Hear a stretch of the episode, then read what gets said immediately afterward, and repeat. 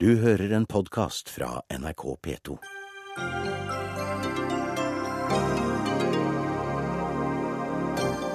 Grensehandelen øker og Vinmonopolet er bekymret. Sett ned avgiftene, krever FPU. Drammen har suksess med å tvinge sosialklienter til å stå opp om morgenen, men regjeringen nøler med å få resten av kommunene til å følge eksempelet. Bydelspolitiker for SV fikk beskjed av partisekretæren om å fjerne lenke på Facebook. Nå melder han seg ut av partiet i protest.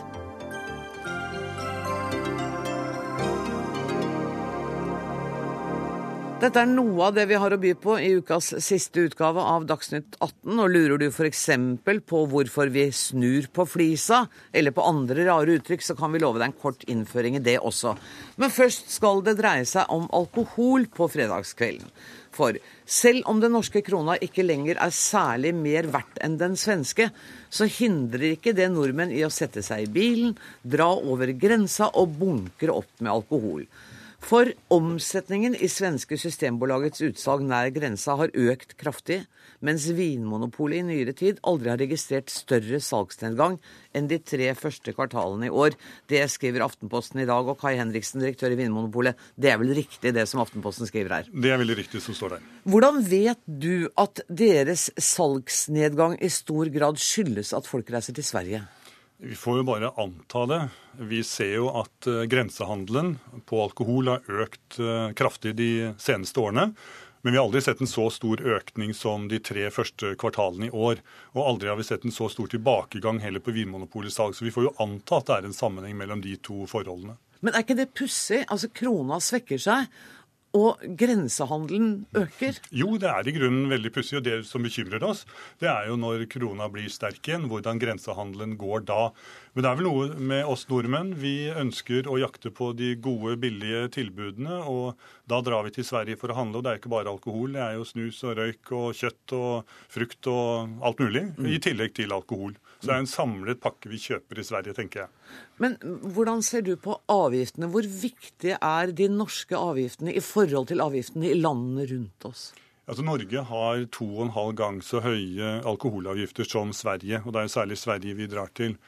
Og alle i Norge, eller Stort sett alle i Norge er jo tilhengere av høye alkoholavgifter, for det bidrar til å redusere alkoholforbruk eller holde det på et lavere nivå enn det det ellers ville vært med, med lavere avgifter og lavere priser. Mm. Men det jeg ønsker å reise en debatt om og stille spørsmålstegn ved, det er om avgiftene nå blir så høye at det svekker det som kanskje er det andre viktige, eh, viktige virkemidlet i norsk alkoholpolitikk, nemlig Vinmonopolet. Fordi at vår relevans og viktighet blir jo stadig mindre når folk eh, handler mindre på Vinmonopolet. Hvis vi kan være litt konkrete, for jeg har ikke helt for meg hvor høyt eh, avgiftsnivået er i Norge. Hvis jeg skal kjøpe la oss si, en flaske vin til 150 kroner, mm. hvor mye vil avgiften i Norge være på den? Ca. 60 kroner. 60 kroner. Alkoholavgiften. Og i Sverige vil den være? Ca. 28. Nettopp. Ingen fra Finansdepartementet kunne være med i Dagsnytt 18 i dag, men du er med, Morten Wold, medlem i helse- og omsorgskomiteen for Fremskrittspartiet. Eh, dere justerer altså opp avgiftene i dette budsjettet også, og forskjellen i avgifter mellom Sverige og Norge har økt. Hva sier du til alle de Fremskrittspartivelgerne som nå føler seg litt lurt av dere? Ja, så Avgiften er inflasjonsjustert. Ja, eh, men, Det betyr en økning? Ja, det er, men det er jo ingen tvil om at Fremskrittspartiet er jo den fremste, eh, si, fremste, til å prate ned avgiftene. Men i regjeringssamarbeidet vi har med Høyre og samarbeidsavtalen vi har med KrF og Venstre, så ligger altså hovedlinjene i alkoholpolitikken fast. Det er regulert i en avtale. Eh, vi mener jo opprinnelig at lavere avgifter vil faktisk være med å styrke Vinmonopolet. Eh, fordi at Da vil kanskje grensehandelen gå ned, og det vil sånn sett også styrke norske arbeidsplasser. Så en lavere avgiftsnivå på eh, alkoholvarer solgt gjennom Vinmonopolet, det er Fremskrittspartiet for. Men det er altså ikke noe vi klarer å få gjennomslag for i regjering med den oppslutningen vi har. Det er ikke noe flertall i Stortinget for det heller, så sånn sett så er det en, en lang vei å gå. Mm. Eh, så ser vi jo at våre politiske motstandere eh, er opptatt av at Vinmonopolets omsetning går ned. Eh, og syns det er greit hvis flere handler på polet. Samtidig eh, er de bekymret for at folk drikker mer. Eh, sånn sett så, så blir jo det et paradoks at man, det er greit at folk drikker, så lenge man kjøper varene på polet. Ja, og det syns ikke du, Så du er ikke bekymret over at grensehandelen øker dramatisk? Selvfølgelig. Vi syns at Vinmonopolet etter hvert har blitt en veldig bra bedrift med okay. dyktige medarbeidere og godt utvalg. Eh, Sånn sett så er vi ikke imot Vinmonopolet i den, den fasongen det har i dag.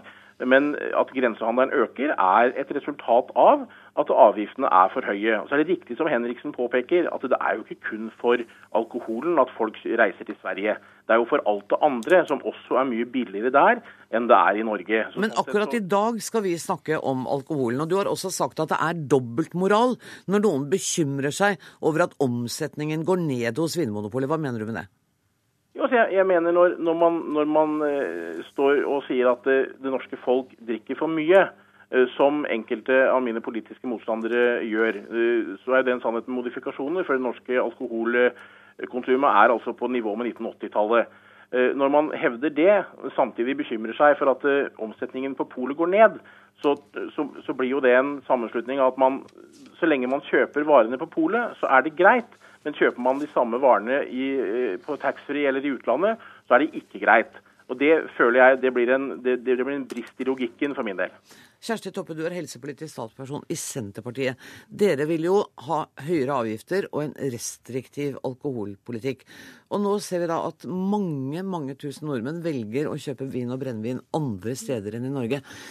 Altså, det må jo være et dilemma for dere. Dere vil ha en høyere avgiftspolitikk, og så fører det til økt grensehandel. Er det vanskelig for dere, dette? Eh, Jeg eh, skal jo innrømme at dette eh, er et dilemma. Det har det jo alltid vært. Og det var det jo òg når vi satt i regjering. Eh, Så var jo alltid dette en diskusjon om hvor, si, hvor høye avgiftene kunne være opp mot hva som det var de negative konsekvensene av det. Så har jo Norge i mange år hatt en villa politikk der vi skal ha bruke avgiftssystemet fordi at det virker. Vi har en alkoholpolitikk og et, hal- et alkoholkonsum som mange andre eh, land misunner oss. Altså Vi har lavere forbruk enn mange andre land i Europa. og Da er tilgjengelighet og pris eh, det er på en måte de kraftfulle virkemidlene, sammen med at vi da ville ha et vinmonopol. Eh, Så, så Eh, Jeg eh, tenker at dette med eh, avgifter, eh, de, eh, det skal vi bruke. De skal eh, være eh, høye. Og jeg ser jo at eh, Siv Jensen òg viderefører den linja med å iallfall eh, inflasjonsjustere den, og det syns jeg er veldig bra. Men eh, vi må jo diskutere eh, grensehandelen. Men å redusere avgiftene Det er eh, ikke aktuelt. Det mener jeg er ikke aktuelt, for det har iallfall negative konsekvenser for alkoholsalget og ellers i landet. Og så minnet du meg på før vi gikk i studio, og det er en nyttig påminning, om at eh, urettferdigheten i at de som kan drive grensehandel, er faktisk en liten del av landets befolkning. Der hvor du kommer fra, var det en helt uaktuell problemstilling. Og dermed blir jo det enda mer urettferdig at de som bor langs grensa, har mulighet til å reise til Sverige og kjøpe billig vin og sprit. Ja, altså hvor, eh, om hva som er billig og ikke billig. Eh, eh, vi må også huske på at alkoholprisen i Norge er i forhold til kjøpekraft, så har den sunket. ikke sant? Jeg, jeg vil jo hevde at, vi, at alkoholen er relativt billig i Norge nå. Iallfall sånn som den var for, for mange år siden.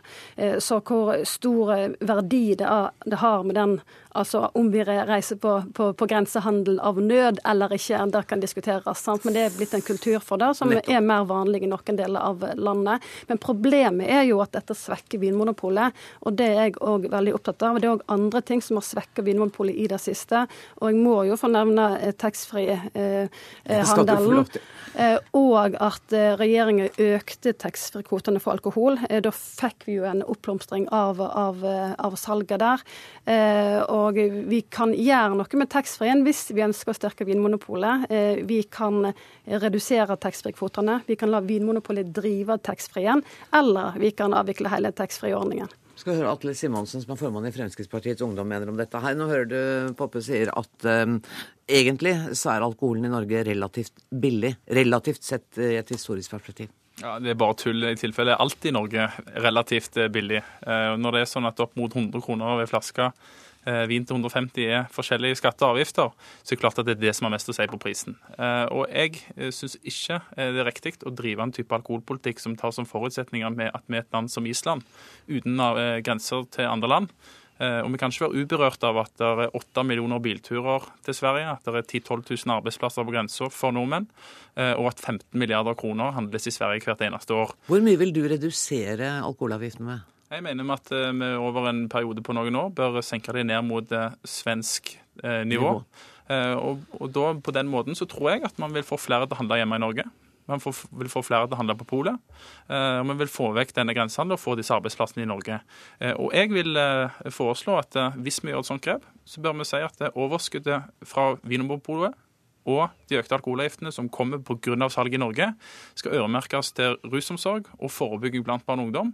Noe så vi skal produsere, altså Hvis du ser kynisk på det, så skal vi produsere alkoholikere ved å gi dem billigere sprit og vin, og så skal vi sørge for at de blir uh, rusfrie etterpå?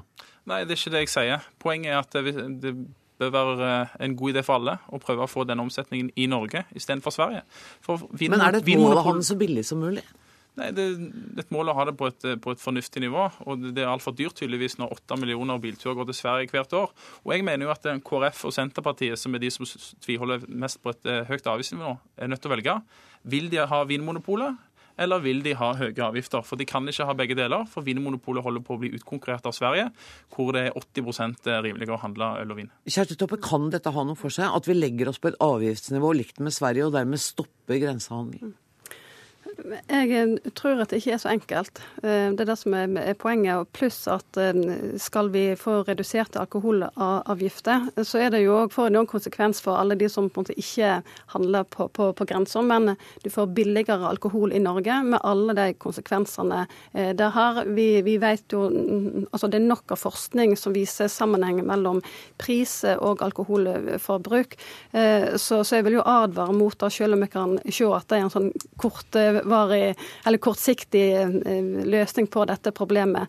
Eh, jeg tenker jo at eh, ja, det er et problem med grensehandel, mm. men vi har jo tross alt et uh, samarbeid i Norden. Vi, vi har òg et helsesamarbeid. Jeg tenker at vi kan òg gjøre noe fra myndighetens side og, og, snakke med Sverige og høre om ikke i vi kan inflasjonsjustere alkoholprisene, sånn at ikke gapet blir uh, Så større. Som hver dag. Ja. Og da ville kanskje noen av dine bekymringer uh, i hvert fall bli noe mindre, Kai Henriksen. Vi klarte ikke å løse det i denne runden i Dagsnytt 18. Men dere skal ha takk for at dere kom, Kai Henriksen, Kjersti Toppe og Morten Wold. Atle Simonsen, deg ser jeg om litt, og da skal vi snakke om penger til flyktninger. Dagsnytt 18 alle hverdager klokka 18.00 på NRK P2 og NRK2.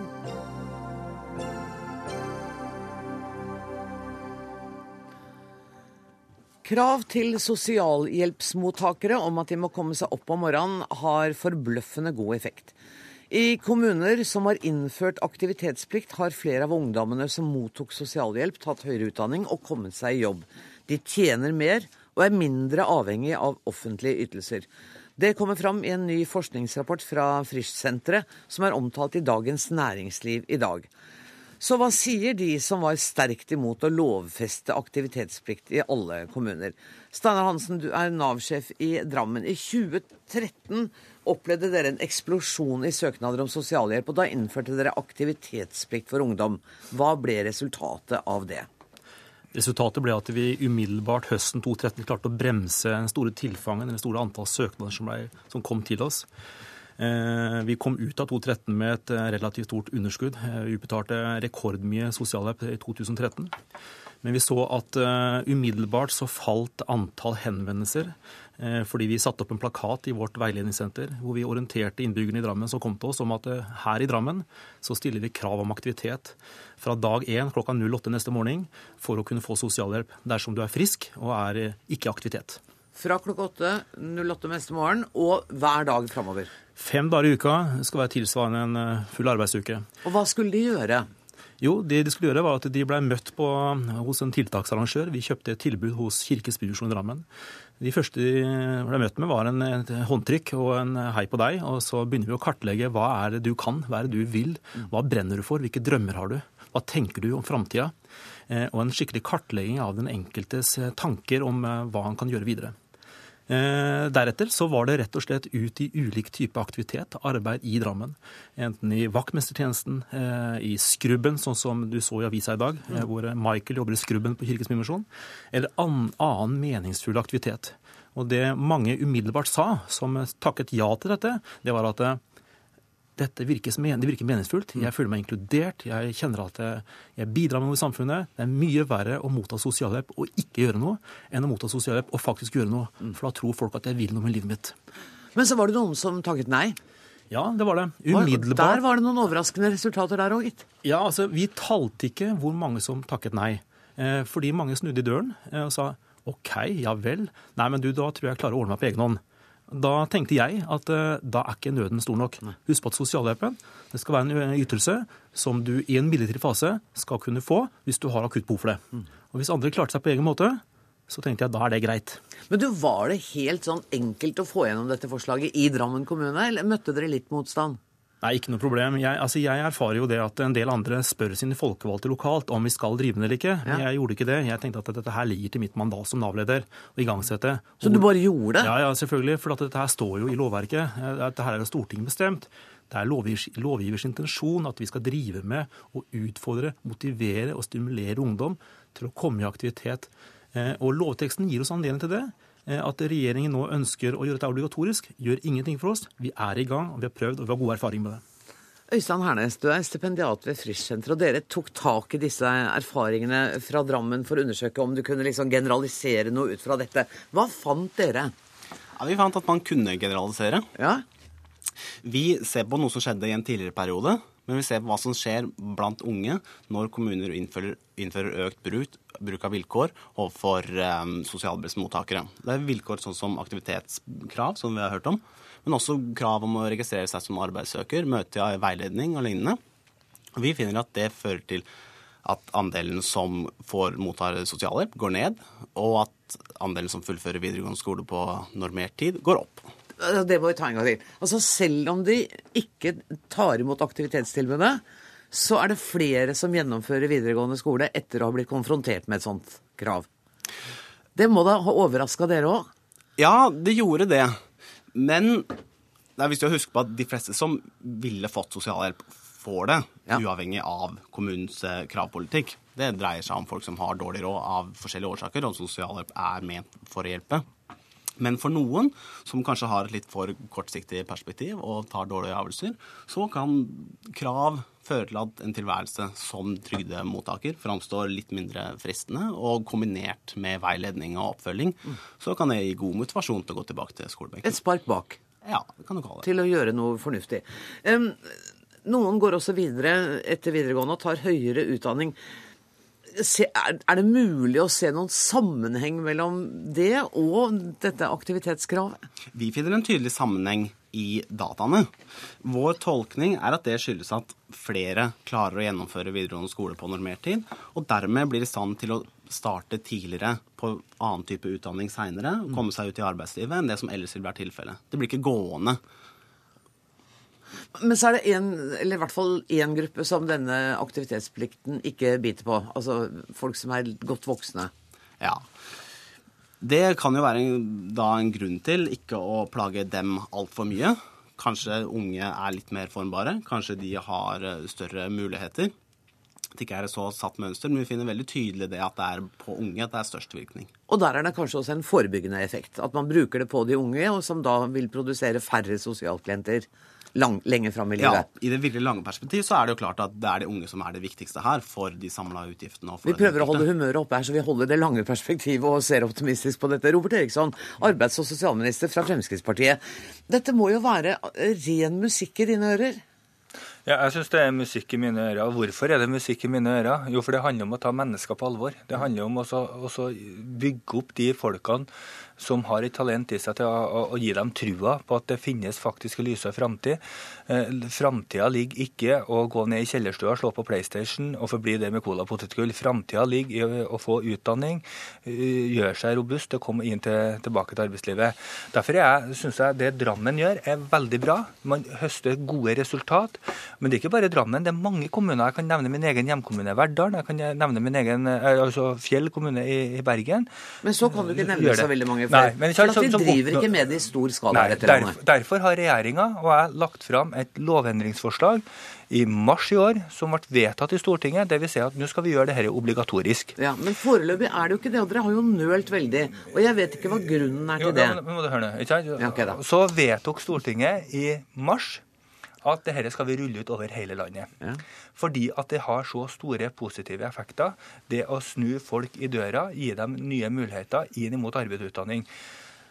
Så har også Stortinget sagt at vi skal eh, gå en runde med kommunene og KS for å finne ut hvordan skal vi rulle ut dette på en mest mulig effektiv, god måte, eh, og hvordan skal eventuelle kostnader i utrullingsfasen kompenseres. Det er vi i full gang med å følge opp det stortingsvedtaket. Har dialog med KS, og jeg har god tro på at i løpet av eh, forholdsvis kort tid inn i 2016 så skal vi komme til enighet, og vi kan rulle ut dette over hele landet. Kirsti Bergstø, stortingsrepresentant for SV. Du er ikke så glad for at dette skal rulles utover hele landet? Jeg er veldig glad for å høre om erfaringene fra Drammen. Altså Ja. Både som sosialist og som sosialarbeider så syns jeg det er stor inspirasjon å høre hvordan de har jobba i Drammen. Eh, Hvorfor er dere da negative til dette? Og vi er ikke negative til at folk skal komme i aktivitet. Nei, at folk negativ... skal få tett individuell oppfølging, at folk skal bli sett. Det vil vi. Vi vil ha godt sosialfaglig arbeid ute i kommunene. Og derfor vil vi ha en aktivitetsrett. Ja. Vi vil styrke en ungdomsgaranti for at ungdom skal få arbeid, utdanning, aktivitet innenfor tre, eh, inn, senest innen tre måneder.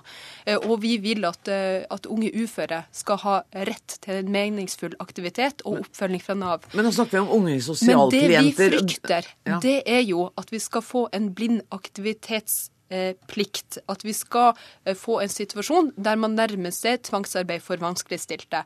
Og Frp har tidligere sagt at her er det penger å spare, eh, og fremstilt det som et sparetiltak eh, for kommunene. Det sa Erlend Wiborg i arbeids- og sosialkomiteen for Frp tidligere i år. Jeg er veldig glad for at regjeringa nå har stukket fingeren i jorda, hørt på KS, hørt på både Fagforbundet og på FO, eh, og på eh, alle andre Nå, kritiske eh, røster. Nå må jeg spørre Steinar Hansen, det Hansen om det de egentlig driver med, er tvangsarbeid for vanskeligstilte. Nei, ikke Drammen, men det Men det nye er lovverket. Fordi at man endrer jo I dag har kommunene fullt anledning til å stille krav. Og kommuner som jobber godt sosialfaglig, stiller også krav idet man mottar penger. Det vi frykter, det er jo den situasjonen som også arbeidsministeren har forespeila, at eh, vil du ikke bidra, ja, så risikerer du trekk, eh, uten at den enkeltes livssituasjon blir tatt på tilstrekkelig alvor. Det er det vi frykter. Er det et rent sparetiltak, dette der? liksom? Maken til, til vrangforestillinger skal du lete lenge etter. Det jeg sier, det er at dette handler om å ta folk på alvor. Hvorfor skal ikke alle mennesker bli tatt like mye på alvor, uavhengig av hvor du bor hen? At SV har en annen inngang på det, er meg helt ubegripelig. Og når vi ser framtida, så trenger vi 90 000 flere fagarbeidere enn hva vi klarer å produsere. Vi kan risikere om ti år å ha en overproduksjon av 200 000 ufaglærte. Hva må vi gjøre da? Jo, nettopp å stille, og som det står i lovverket vi har lagt fram. Det er jo feil det Bergsøen sier. Vi har sagt meningsfullt aktivitet. Det betyr også det er en plikt for kommunene å skaffe meningsfullt aktivitet, tett oppfølging, riktig oppfølging, for å sørge for at disse kommer ut i utdanning, blir fagarbeidere, dekker opp det, det behovet vi har i framtida. Altså jeg vil jo si at eh, jeg driver jo ikke politikk. Jeg begrunner jo det arbeidet jeg gjør i en, en faglig begrunnelse. Eh, og det er de faglige begrunnelsene som også Frischsenteret nå kommenterer, som gjør meg glad. Eh, for da ser vi at dette virker. Eh, det er viktig å si. altså Vi driver på ingen måte noe tvangsarbeid. Vi tar ungdom på alvor. Vi snakker med ungdom, og vi tar dem videre. Eh, av de 105 som nå eh, har fullført det hos oss i Drammen, så er 84 av de ikke lenger på sosialhjelp. Og hva er ikke det, da? Det er jo et kjemperesultat. Kirsti Bergstø, hvorfor er du så redd for at alle andre kommuner skal innføre tvangsarbeid for svakstilte, når du ser at Drammen Det er ikke det de har gjort. Men jeg har aldri påstått at Drammen har gjort det. er Jeg som har er- tvert er imot sagt at Drammen driver godt sosialfaglig Ja, arbeid på dagens sam- lovtekst. Og det er hele poenget mitt. At sosialloven i dag sier at du kan stille plikt, nei, stille, stille plikt, krav til aktivitet. Og vi vet at sosialfaglig arbeid eh, virker. At hvis du gir folk tett individuell oppfølging og meningsfull aktivitet, ja, så gir eh, det også gevinst i andre enden. Så opplever folk mening og mestring i livene sine. Men bare et kort spørsmål da det til SV. Ja. Et kort spørsmål til SV. Hvorfor mener du da det er feil at kommuner, alle kommuner skal stille meningsfullt aktivitet, og det er en plikt å delta på den aktiviteten, så at flest mulig får den gode sosialfaglige oppfølginga? Det sier du nei til, fordi at det skal være opp til kommunene sjøl å bestemme om de skal gjøre det eller ikke? Det jeg sier nei til, det er å ta bort eh, det som står i loven i dag. At det er eh, hensynet, individuelle hensyn som skal eh, avgjøre eh, de vurderingene. Og det er jo det jeg mener at Drammen kommune har gjort på et veldig godt vis. At man har eh, sagt at vi tar mennesker på alvor. Vi lager eh, systemer som fanger opp på skikkelig. Så til tross for uenigheten, Hansen, så er det ros til Drammen her. Ja, Det er veldig hyggelig å høre. Men jeg tenker at det er viktig at sentrale politikere har tillit tillit til de lokale Nav-kontorene og tillit til lokale folkevalgte. Jeg rapporterer til folkestyret i Drammen. Eh, og det er klart at Hvis vi driver slavearbeid, eller hvis vi skulle drive på feil måte, så ville jeg fått en beskjed om å rette meg etter det som er intensjonen i Stortingets eh, vedtak, eller Stortingets lovverket. Så, så, jeg tenker at det handler om å gi Nav-kontorene den, den myndigheten og mandatet til å utøve dette på en skjønnsmessig måte. For det er jo en skjønnsbasert lov. Og, og samtidig er det viktig å ivareta den enkeltes rettigheter. Og det gjør vi. Tusen takk for at dere kom, eh, Øystein Hernes, eh, Kirsti Bergstø, Steinar Hansen og Robert Eiriksson.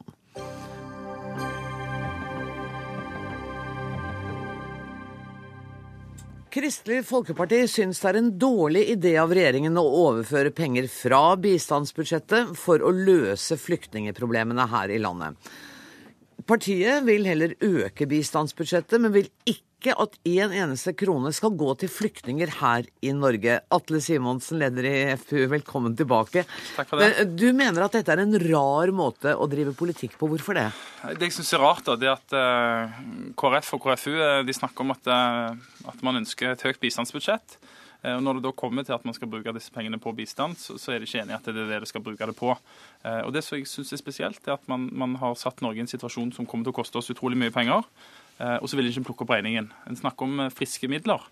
Eh, at en ønsker friske midler, Men spørsmålet blitt, blir jo hvor skal en kutte? Altså, KrF vil ikke kutte i velferdsordninger, vil ikke kutte i statlige utgifter. Vil ikke at man skal bruke oljefondet. Og vil ikke at man skal omdisponere bistandsmidlene, sånn som vi har foreslått. Så oppfordringen til KrF og KrFU blir 'show me the money'. Ja, Ida Lindtveit, du er påtroppende leder i KrFU. show him the money, eller vis ham penga. Hvor skal dere ta pengene fra? Nei, For det første så vil jeg si at det er en ekstremt dårlig løsning å si at flyktningkrisen den skal verdens fattigste betale. Det er det vi er uenige i. Og så mener vi at Norge er rike nok til å dekke de utgiftene som kommer pga. flyktningkrisen, av de 99% resten av budsjettet, eller gjennom friske midler eh, gjennom oljefondet. Men, men, poenget her er at regjeringen har kommet med et budsjett som eh, viser eh, at vi skal ta imot 11 000 asylsøkere, noe som ingen trodde på, heller ikke i juni. Eh, og derfor har kommet med tilleggsnummer. Så de pengene de kommer vi til å finne i vårt alternative budsjett når vi legger frem det etter regjeringen har kommet med sitt tilleggsnummer. Men Lindtveit, regjeringens forslag til bistandsbudsjett for 2016 er på 33,6 milliarder milliarder kroner. Hvorfor er det urimelig å bruke noen av disse pengene på flyktninger som er kommet til Norge? Det er fordi vi mener at bistand det skal gå eh, til eh, to ting. Det skal gå til eh, den humanitære nødhjelpen, som vi er nødt til å øke, basert på de konfliktene vi har nå. Eh, og så skal vi ikke svekke den langsiktige bistanden, som faktisk vil eh, bidra til å eh, forebygge sånne typer konflikter som vi ser nå. Så vi mener det er et dårlig tidspunkt å skulle kutte i langsiktig bistand, som forebygger, som hjelper folk ut av fattigdom, sikrer rent vann til mennesker, sikrer eh, barn utdanning. Dette vil vi at eh, Norge skal fortsette med, selv om vi har en flyktningkrise vi må ta hånd om. Simons. Ja, altså KrF mener at omdisponering av bistandsmidlene vil gå utover verdens fattige. Men da tror jeg ikke de har helt kontroll over hva norske bistandspenger går til. For det er veldig mye av norske bistandspenger som eh, verken går til å hjelpe fattige mennesker, og som òg er direkte skadelige, viser mange av de prosjektene som en, som en ser eh, resultatene av. Men nå, nå, ser du litt tilbake i tid, for nå har man jo prioritert bistanden. Man har kuttet bistanden til 84 land, og det har man. Eh, og nå er det liksom tolv hovedbistandsland som man arbeider med. sånn at det er jo ikke sånn at vi nå kaster penger eh, ut i verden uten å vite hva det går til, er det det? Nei, det, og det syns jeg er veldig positivt at man gjør. Man burde stramme til enda mer, så det blir mer målretta. Men, men, nå driver man jo faktisk og gir bistandspenger til land som har egne bistandsbudsjetter. Eh, så Det spørs jo eh, hva som er hensikten av det. Eh, men jeg, jeg tror nesten ikke KrFU engang tror på det sjøl. At av et bistandsbudsjett på 33 milliarder, at det er ikke noen av de midlene der som faktisk burde vært brukt annerledes. Enten brukt på og rydde opp i de problemene som KrFU har satt oss i her hjemme, eller f.eks. å gi mer bistand til, til, til Syria. Eh, som er det Fremskrittspartiet ønsker å gjøre i en, i en nødsituasjon som, som alle ser på er, er helt forferdelig. Um, og, så dere kunne tenkt dere at noe av bistandsbudsjettet kunne gå til, til overføres til Syria for å bedre situasjonen for menneskene der? Ja, eh, det ønsker vi. Og så, vil jeg òg utfordre KrFU på. Er det skattene som nå skal øke pga. at en skal gjøre dette? Og en, er en virkelig så låst til dette med størrelse på bistandsbudsjettet at det er viktigere at det er 1% som går til bistand, enn faktisk hva det går til og hvor mange det hjelper? Vet du hva, Jeg vil ta tak i noe av det første som Atle Simonsen sa. for Han sier at vi må ordne opp i de problemene som er skapt i Norge. Men han snakker altså om den situasjonen vi står i nå, som problemer for Norge. Det er ikke vi som tar, eh, som tar noe slags eh, ja, hva skal jeg si for noe? Eh, det er ikke oss som påføres noe smerte av den situasjonen vi er i nå. Her ser vi mennesker som flykter for sine liv, som flykter fra alt de eier, og kommer til Norge for å få et sted der de er i trygghet, der de ikke blir forfulgt, der de ikke er i fare for å bli drept. Eh, dette er ikke snakk om problemer, dette er snakk om mennesker som vi skal hjelpe på best mulig måte. Og da er spørsmålet fra Atle Simonsen, hvor skal dere ta pengene fra når dere ikke tar det fra bistandsbudsjettet? Er det da igjen skattene som skal heves? Ja, Det må vi komme tilbake til når eh, regjeringen legger frem sitt tilleggsnummer og vi ser hva slags kostnader vi står overfor, eh, og hvor vi kan kutte hen. Men jeg vil jo ikke si at regjeringen har prioritert i det budsjettet man heller kommer med. Her er det store økninger som man kunne tatt senere.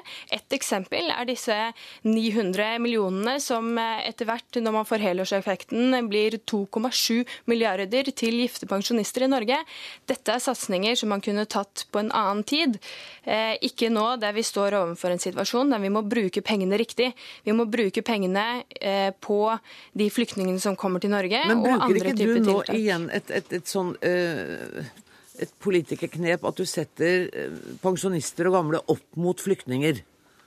Nei, jeg gjør ikke det. Det er Atle Simonsen som setter oss i Norge opp mot flyktninger. Og den eh, retorikken den ønsker ikke jeg å være med på.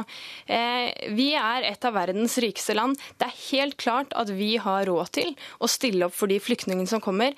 Vi har råd til å ta dem imot med åpne armer og integrere dem og inkludere dem i det norske samfunnet. Og gjøre eh, dem til helt eh, vanlige norske borgere som alle oss andre. Eh, og eh, ja. at de som ressurser kan brukes ja. i vårt land i fremtiden. Ja, men nå er det sagt at dette kommer til å koste norske skattebetalere opp mot 50 milliarder kroner, antageligvis mer. Og Hvis man ikke ser på det som et problem i det hele tatt, så, så snakker en seg eh, vekk fra ting, eller så er en rett og slett naiv. Fordi at Dette kommer til å være store utfordringer for Norge som land. Eh, og det er noen som må plukke opp den regningen. Og Du vil verken si om det er noen som skal få kutta sine velferdsutgifter, ønsker ikke å bruke fra oljefondet, ønsker ikke å omdisponere bistandsbudsjettet. Da er det bare én ting igjen, og det er å øke skattene for folk flest. Og Det ønsker jeg ikke være med på. Vi har hatt en helhetlig politikk hvor vi ønsket å hjelpe langt flere i sine nærområder, så de slapp å flykte så du kunne få rent vann, husly, sikkerhet eh, og mat der de er, i de flyktningleirene som nå er sprengt. Men det sa KrF nei til. De har sørget for at vi har fått 8000 flyktninger som skal komme til Norge, i tillegg til en asylstrøm som vi ikke vet eh, enden på. Og Det koster mye penger, og det er som politiker sånn at man må prioritere, enten KrFU liker det eller ikke. Og da er det så langt som vi kom i denne Dessverre må jeg, jeg må sette strek. Det var så langt som vi kom. Vi fikk i hvert fall markert at det er en tydelig uenighet mellom dere. Takk skal dere ha, Atle Simonsen og Ida Lindtveit.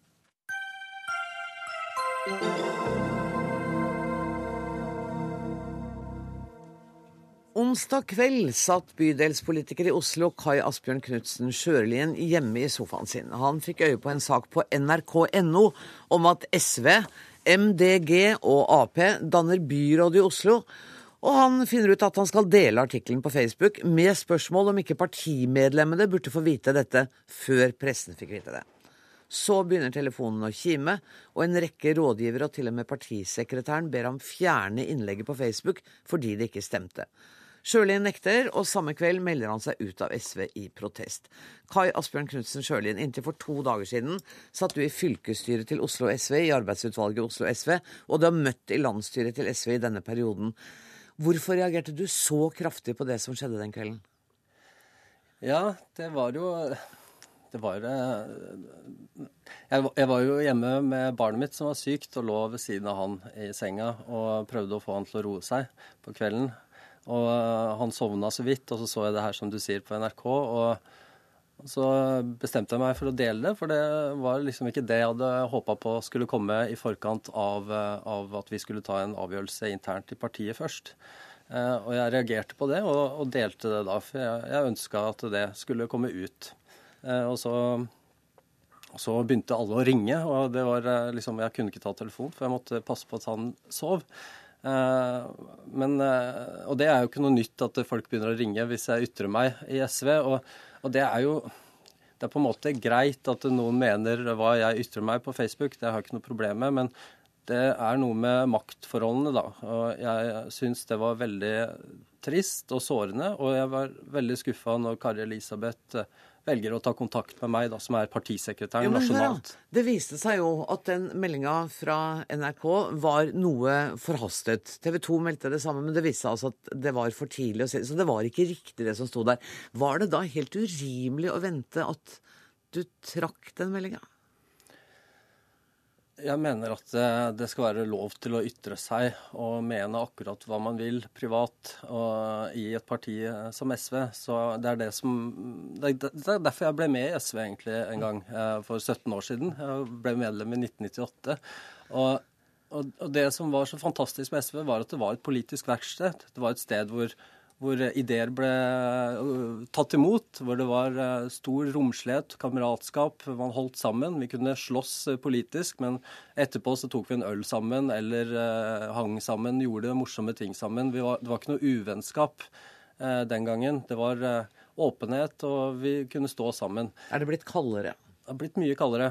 Og det har blitt jeg, jeg, har opplevd det eh, etter at eh, SV satt i regjering med Arbeiderpartiet. At SV har i mye større grad valgt å ta til seg den partipolitikken, eh, eller interndemokratiet, da, som, som Arbeiderpartiet har. Som er en veldig sånn hard linje, der noen få bestemmer seg, og så må medlemmene lystre. Mm. Og, og, det som var så flott med SV, er at det, et, det, det var et helt annet type parti. Det var et parti der hvor det var rom for alle meninger. Og jeg vil ha tilbake det partiet. Kari Elisabeth Kaski, partisekretær i SV. Um, du ringer altså en bydelspolitiker tre ganger klokka 22 på kvelden og sender SMS om at han skal fjerne ting fra sin private Facebook-side. Ja, her tror jeg det er behov for oppklaring, for ingen av de tingene har jeg gjort. Um, la oss spole litt tilbake. Det, du har sendt ham en SMS. Det har jeg. Ja, ja. det har jeg, altså. Så jeg har Um, ja, jeg sendte en melding for å si, ikke for å be han om å slette den, men for å si at det som sto på NRK som han hadde lagt ut, var galt, og at dette skal selvfølgelig representantskapet i Oslo avgjøre, som jo er det høyeste organet i Oslo mellom fylkesårsmøtene, og som sitter sammen akkurat nå mens vi er her. Det er egentlig en ganske historisk dag, fordi Oslo SV tar i kveld stilling til uh, hvorvidt man skal gå inn i byråd og formelt samarbeid med, med de andre partiene, som skal uh, få til et politisk skifte i Oslo. Jeg skjønner at det er viktig, men akkurat nå så snakker vi om eh, partidemokratiet mm. i SV, og hvordan eh, et medlem opplever seg behandlet. Um, la, meg, la meg bare svare på det. fordi Kai Asbjørn er jo, som du også sa, eh, medlem i arbeidsutvalget i Oslo, en del av ledelsen i Oslo SV, som legger ut en melding eh, om at man har gått inn i et formelt samarbeid og satt medlemmene i partiet til side. Det syns jeg er ganske alvorlig, fordi av respekt for nettopp medlemmene i det fylkeslaget og i partiet, så er det viktig at man får oppklart det. Så er det jo ikke noe Altså, dette kunne enkelt vært oppdatert og endra sånn at ikke man får det inntrykket og det bildet. Og det ble det jo heldigvis også i løpet av kvelden. Når jeg forsøkte å ringe han, så var det fordi at han svarte meg på melding at han melder seg ut, og det syns jeg er veldig trist. Fordi vi trenger sånne folk som Kai Asbjørn i partiet. Og han har akkurat blitt valgt inn uh, i bydelsutvalget i Gamle Oslo SV, som heter, eller Gamle Oslo. Og Gamle Oslo SV er et av de største lokallagene våre. Jeg er sikker på at Kai Asbjørn kommer til å gjøre en fantastisk jobb framover, men jeg skulle ønske han ville gjøre den jobben videre i partiet. for jeg ønsker ønsker meg folk som han. Og jeg ønsker også at vi skal videreføre den kulturen som jeg mener at vi har, der det er høyt under taket, og der altså medlemmene har veldig mye å si. Nå sitter altså medlemmene i Oslo SV og tar stilling til hvorvidt de syns den ja, avtalen er god nok. Men han mener altså at det er blitt kaldere i partiet? Det syns ikke jeg det er grunnlag for å si. Nå ble jeg valgt som partisekretær på landsmøtet i mars, så jeg må ta stilling til det partiet som, som jeg er en del av, og det partiet som jeg ønsker å forme. Uh, og da ønsker jeg meg et parti der man viderefører kulturen for at det er høyt under taket, der det er mer diskusjon enn det det er i dag. Og det mener jeg at er litt av det arbeidet som vi egentlig har starta på nå fram mot 2017, der vi bl.a. har åpna opp for at landsmøtet i 2017 skal ta stilling til hvilke saker som vi skal kreve i et eventuelt uh, samarbeid samarbeid for å kaste dagens regjering i 2017. Så vi ønsker nettopp mye større medlemsdemokrati i partiet. Ok, Sjølien, Ønsket er jo da i retning av det du vil. For det du også kritiserer partiet for, er jo at det på en måte er blitt mer opptatt av den norske middelklassen enn av den norske arbeiderklassen. Ja, eller ikke ja, arbeiderklassen i eh, sin rette forstand. Ja. De som faktisk eh, Arbeiderklassen, eh, den tradisjonelle arbeiderklassen, er jo nå i større grad en del av middelklassen. Det er fagorganiserte med ryddige arbeidsforhold. Men det er så mange som sliter. Dere har jo akkurat diskutert Nav. Mm. ikke sant? Hvorfor, hvorfor er ikke et SV som Hvorfor er ikke SV Hvorfor har ikke vi alle de Nav-klientene som våre, vår hoved prosjekt da, å, å, snakke om det. Det er så mange som sliter Sofavelgerne, vil du Sofavelgerne. Nå I Oslo så er det omtrent halvparten som ikke stemmer. Eh, hvorfor når vi ikke ut til dem? Hvorfor jobber vi ikke opp mot dem? Hvorfor er ikke de representert i partiet? Hvorfor er det ikke Hvorfor har vi Hvis du ser utover partiet eh, SV, så er det stort sett en akademisk middelklasse som representerer partiet. Mm. Både i forskjellige fylkesstyrer, på storting, i vi har gjort en altfor dårlig jobb for å bli et parti som representerer helheten av befolkningen. Men hører du at Kaski er lei seg for at du går ut, for hun mener at partiet trenger folk som deg. Er du nå den situasjonen at du kommer til å revurdere utmeldingen din? Ja, jeg har, jeg har, skrevet på Facebook at jeg er åpen for å melde meg inn igjen, men jeg vil se en helt annen partikultur først. Og jeg har kjempa det her i mange år. Jeg har snakka om partikulturen i SV i mange, mange år. Og jeg har, øh, og jeg har nå det er, det er litt sånn vakkert, men jeg har fått så mye positive tilbakemeldinger fra øh, fra SV sine medlemmer over hele landet, øh, som er så enig med meg og som støtter meg fullt ut. Dessverre så snakka jeg nå med Siavash Sankhtarash, som var vår andre kandidat til, til, bystyret, og han har også meldt seg ut nå av SV. Eh, og han er jo da um, Han fortalte meg nå at jeg kunne fortelle det til dere, og, og det syns jeg er det er mange som også tenker på det samme nå, som jeg får meldinger om og jeg vurderer å melde seg ut. Fordi jeg er lei. Det er en mobbekultur innad i SV. Det er en kultur der man putter folk i båser nå. Det er en kultur med albuer, posisjoner og makt som er viktigst. Og ikke å sette seg litt tilbake og ta og evaluere hva som har gått galt. I 2001 i 2001 så hadde SV i Oslo 23% oppslutning på valget. Nå er vi nede på 5 Vi har ikke gjort et dårligere valg siden 1961. Og da er det første vi skal gjøre, å gå inn i en maktposisjon. Det er da man skal begynne å gå inn i seg selv og prøve å finne ut hva er det SV står for, hvem er vi her for, og hvem er det vi representerer. Jeg tror det er viktig at jeg får svare på litt av det her. Det skal du få. Kai Asbjørn har jo sittet i fylkesstyret i Oslo. Han eh, har vært en del av den øverste ledelsen. Han har vært toppkandidat i en av våre største lokallag og har eh, hatt gjennom det gode muligheter, også landsstyrerepresentant, som du sier, gode muligheter til å være med og forme og styre partiet eh, og har hatt verdifulle bidrag. Men altså en person som har vært med en del av den ledelsen og det fellesskapet som vi er. Og jeg syns det er veldig trist å høre på han nå, fordi det er eh, alvorlig. Og også trist på vegne av de velgerne som har vært med og, øh, og stemt han inn nå, og også de folkene innad i partiet som har vært med og heia han fram. Det syns jeg er trist. Så må vi i fellesskap eh, håndtere kulturen i partiet. Jeg mener den er god. Og når jeg har reist rundt etter at jeg ble partisekretær i SV rundt omkring i hele landet, så møter jeg for det første et tverrsnitt av befolkninga. Det er mange engasjerte mennesker, men også en, en utrolig god stemning som jeg tror mange har følt på i forbindelse med denne valgkampen her. Men jobben er jo ikke gjort, og vi trenger jo alle folk med på laget i det arbeidet videre. Vi er dessverre nødt til å sette strek, men kan ikke jeg bare foreslå at dere tar en kaffe og liksom får en oppdatering av hverandres virkelighetsbeskrivelse? Det var uh, utrolig fint at dere kom til Dagsnytt 18. Kai Asbjørn uh, Knutsen Sjølien og Kari Elisabeth Kaski. Hør Dagsnytt 18 når du vil. Radio NRK Radio.nrk.no.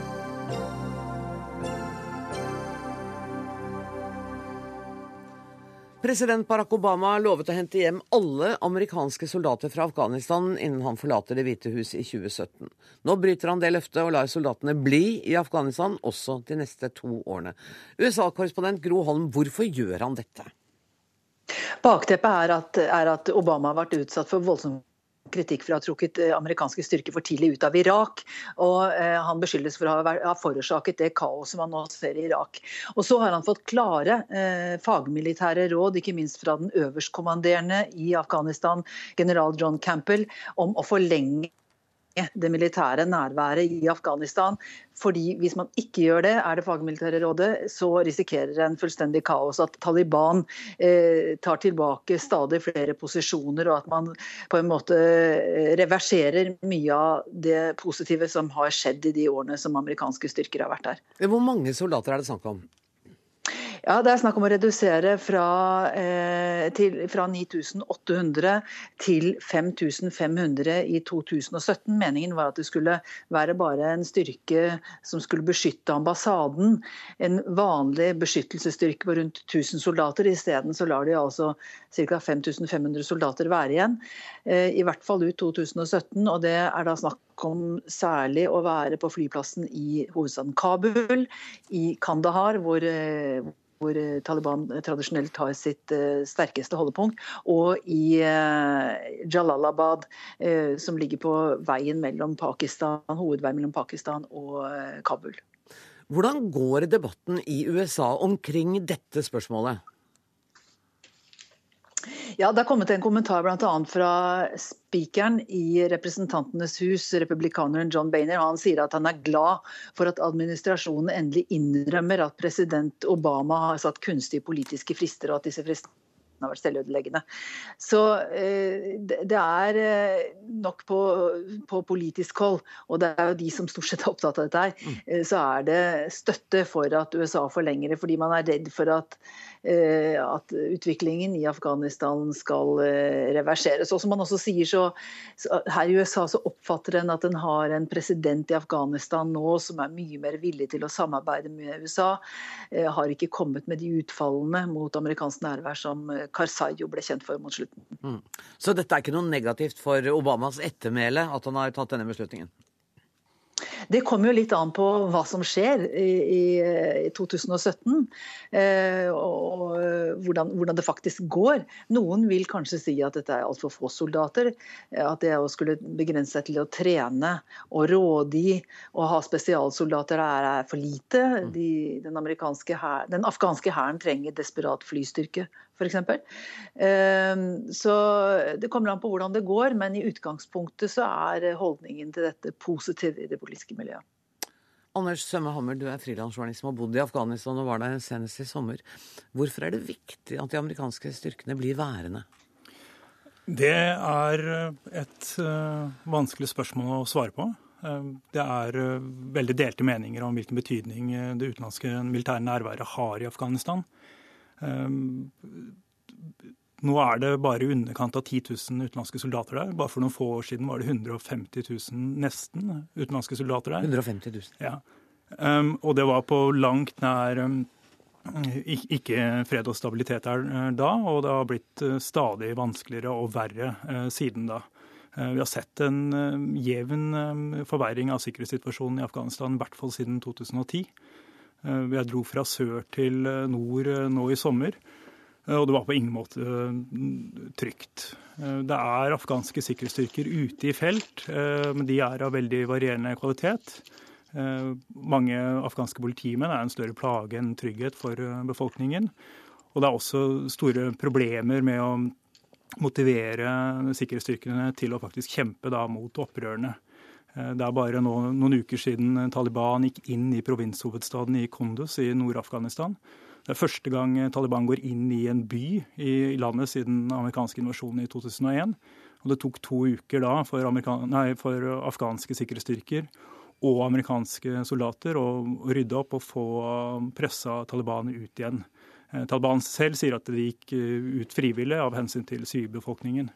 Eh, I går meldte Taliban selv at de er fortsatt åpne for fredsforhandlinger med den afghanske regjeringen. Forutsatt at eh, alle utenlandske styrker trekker seg ut av Afghanistan.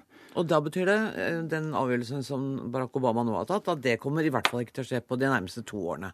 Nei, på den måten skal det også ses som en kime til fortsatt eh, konflikt. Men samtidig så sier jo du at sikkerhetssituasjonen blir vanskeligere og vanskeligere. Den er mer dramatisk enn den var for noen år siden. Men jeg trodde at nettopp at de amerikanske, og i og for seg den bitte lille norske kontingenten, skulle være der for å øve de afghanske sikkerhetsstyrkene og politiet, sånn at de skulle ivareta dette landet sitt sjøl. Ja, og det har de ikke greid. Altså, det er vært en voldsom økning i antall afghanske sikkerhetsstyrker, både soldater og politi. Eh, helt vanvittig økning, egentlig. Eh, men det fungerer ikke i praksis, i den forstand at det er veldig høye deserteringstall. Og det er veldig varierende moral. På den måten at man har da altså politimenn som raner sin egen befolkning. Det, det, finnes mange eksempler på det, altså at de ber om bestikkelser og også stjeler. Eh, det er et stort problem når det her skal ha ordensmakten i et land. Eh, man har også et stort problem med at afghanske soldater forsvinner. Og at man da ikke har vilje til å gå i kamp. Og når de ikke gjør det, så kjemper de da mot opprørere som er veldig motiverte. Taliban framstår som veldig sterke nå i Afghanistan og driver eh, en voldsom propagandakrig, men det er ingen tvil om at de nå presser på rundt helt sentrale provinshovedsteder. Det har også vært diskusjon om de da skulle gå inn i Meimane, som er da provinshovedstaden i Faryab-provinsen, der de norske soldatene var utplassert.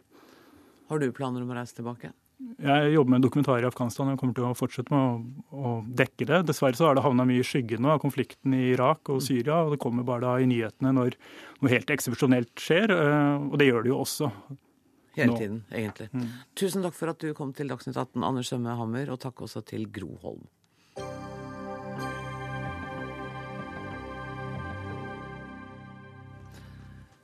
Hvorfor snur vi på flisa? Eller 'Hvorfor snur man på flisa?' Det er tittelen på en ny bok som er basert på spørsmål fra folk. Spørsmål de har stilt til Språkrådet. Boka inneholder alle typer problemstillinger, fra de mest interessante til de aller rareste. Erlend Lønnem, det er du som er redaktør for denne boka, og la oss begynne med bokas tittel. Hvorfor snur man på flisa? Ja, det synes vi er et godt spørsmål, særlig fordi det med jevne mellomrom er folk som lurer på dette og spør oss om det. Ja. Um, jeg kunne faktisk ikke nødvendigvis tenke meg å røpe svaret på akkurat det spørsmålet. Okay. Uh, det, det, eneste jeg kan røpe, er at det finnes mange teorier. Og det er litt typisk for sånne ord og uttrykk. Uh, det er ikke alltid nødvendigvis et fasitsvar. Uh, det forteller ofte uansett en historie, og det sier mye om språk som en viktig del av vår kultur og vår identitet. Og det er ett av mange eksempler på det som vi har samlet her. Og det som gjør den boka så interessant, syns jeg Jeg har overhodet ikke lest den, skal ikke si det, men jeg har bladd litt i den. Ja. Og det er at dere også diskuterer flere forklaringsmuligheter på uttrykk hvor dere ikke er helt sikre. Så sier det kanskje kan det bety sånn, kanskje kan det bety sånn. Og noen ganger så kommer jo vi vanlige folk med forslag og sier ja, men kan det bety det? Kan kronen på verket f.eks. bety at urmakeren har satt på lokket, og da er det kronen på verket? Det er jo gøy. Det er gøy. Det synes vi også. Og vi er jo heldige som eh, får ha denne daglige kontakten med alle veldig interesserte språkbrukere der ute. Vi sender jo spørsmål hver dag, og vi formidler dette ikke bare i denne boken, men selvfølgelig også på nettsidene våre, i tidsskriftet vårt Språknytt, som er viktig, og ikke minst på sosiale medier, hvor vi får spredt det til veldig mange, og vi får mye positiv tilbakemelding. Det, går det an å spørre om hva som er det rareste? Er det, er det noe veldig rart? Det rareste vi gjerne får spørsmål om, handler om ting som kanskje er litt på kanten, eller også ting folk har diskutert. Sex, mener du, eller? Nei, ikke nødvendig. Ja, for det òg, for så vidt. Hvor, hvor, det ender med at folk kanskje tenker litt for mye på det enn det, det originalen viser seg. Og det er ikke noe belegg for det nødvendigvis, da.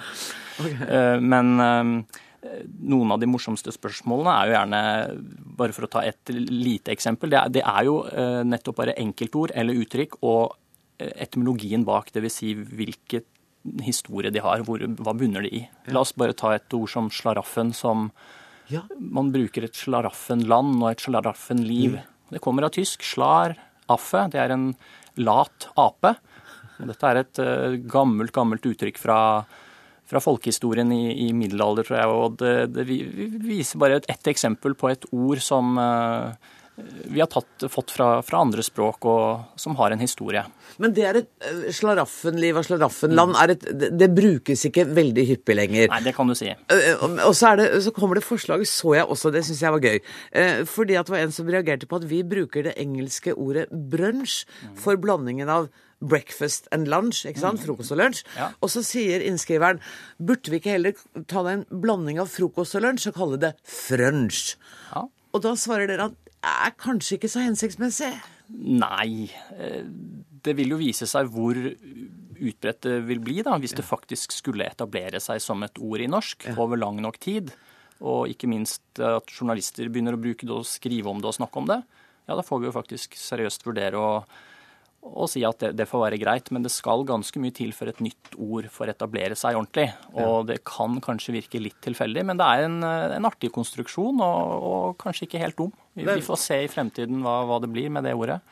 Og dere, dere, jobber jo, ikke i, i den boka, men, men, dere jobber jo med alle typer språk. og det, På norsk er det noe som heter et byråkratspråk. Ja. Og alle vet hva man assosierer med det. Litt tungt, kronglete formulert, men med høy vanskelighetsgrad. Ja.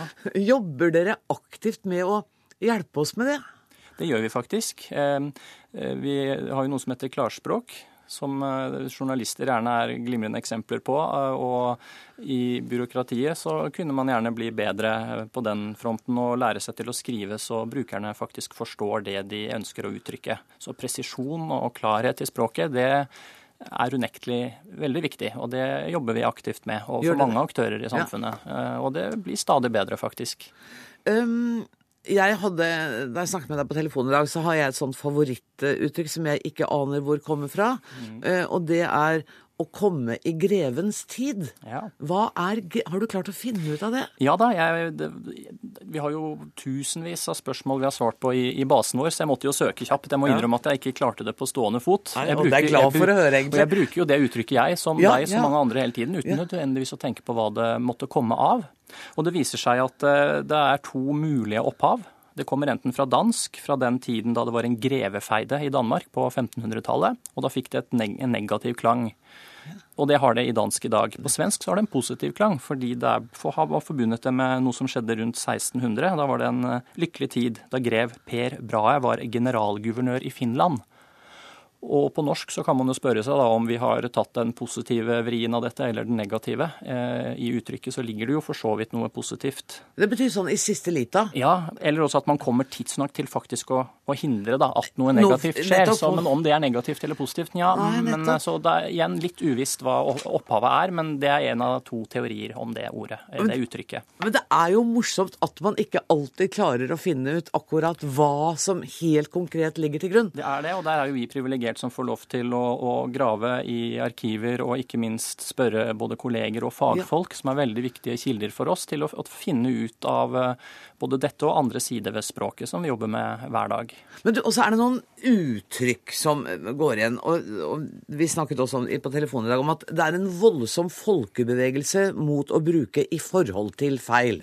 Ja, det har blitt det tid. Er norsk språk friskmeldt hvis ingen av oss lenger bruker i forhold til feil? Eh, langt derifra. Det finnes såpass mange andre eksempler at eh, det ville blitt litt for enkelt. Og det er kanskje litt pussig at man har hengt seg såpass mye opp i akkurat det uttrykket, men, eh, men det er nok kanskje rett og slett fordi det har blitt, blitt brukt for mye. Mm. Og har tåkelagt språket, og det har gått utover budskapet. Så det er jo egentlig et godt eksempel på at man må skjerpe seg litt og tenke seg litt om før man bruker det, altså. Mm. Er dere litt medskyldige i denne folkeaksjonen mot Jeg tror nok det. Ikke i utgangspunktet. Igjen, det er andre som tar nok tak i det, men vi må jo observere og følge med og gi svar. Og vi får såpass mange henvendelser om det at vi også har valgt å ha en egen nettside om akkurat det fenomenet. Så på et vis litt medskyldig, ja. Du, helt til slutt, Tida løper så fort fra oss på en fredagskveld. Har du inntrykk av at nordmenn flest er ekstremt opptatt av språk? Altså, jeg tror nemlig det, fordi jeg får masse reaksjoner etter nesten hver eneste sending på hvordan jeg har brukt språket feil, og folk sitter og hører. Ja, Nå kan du tenke deg hvordan vi har det. Det må sånn, være helt forferdelig. Jeg, på, jeg skrev, både, skrev i- samlet alt i denne boken, og svaret er et ja. Språk er eh, så viktig for folk, også for nordmenn. Tusen takk skal du ha, Erlend Lønnum. Eh, Jeg skal helt fort til slutt bare fortelle dere at det er kommet melding om at SV har fått ordføreren i Oslo. Dermed er det slutt på Dagsnytt 18. Elisabeth Onsum var eh, vaktsjef, Hanne Lunås hadde det tekniske ansvaret. Jeg heter Anne Grosvold rekker akkurat å ønske deg en god kveld. Du har hørt en podkast fra NRK P2.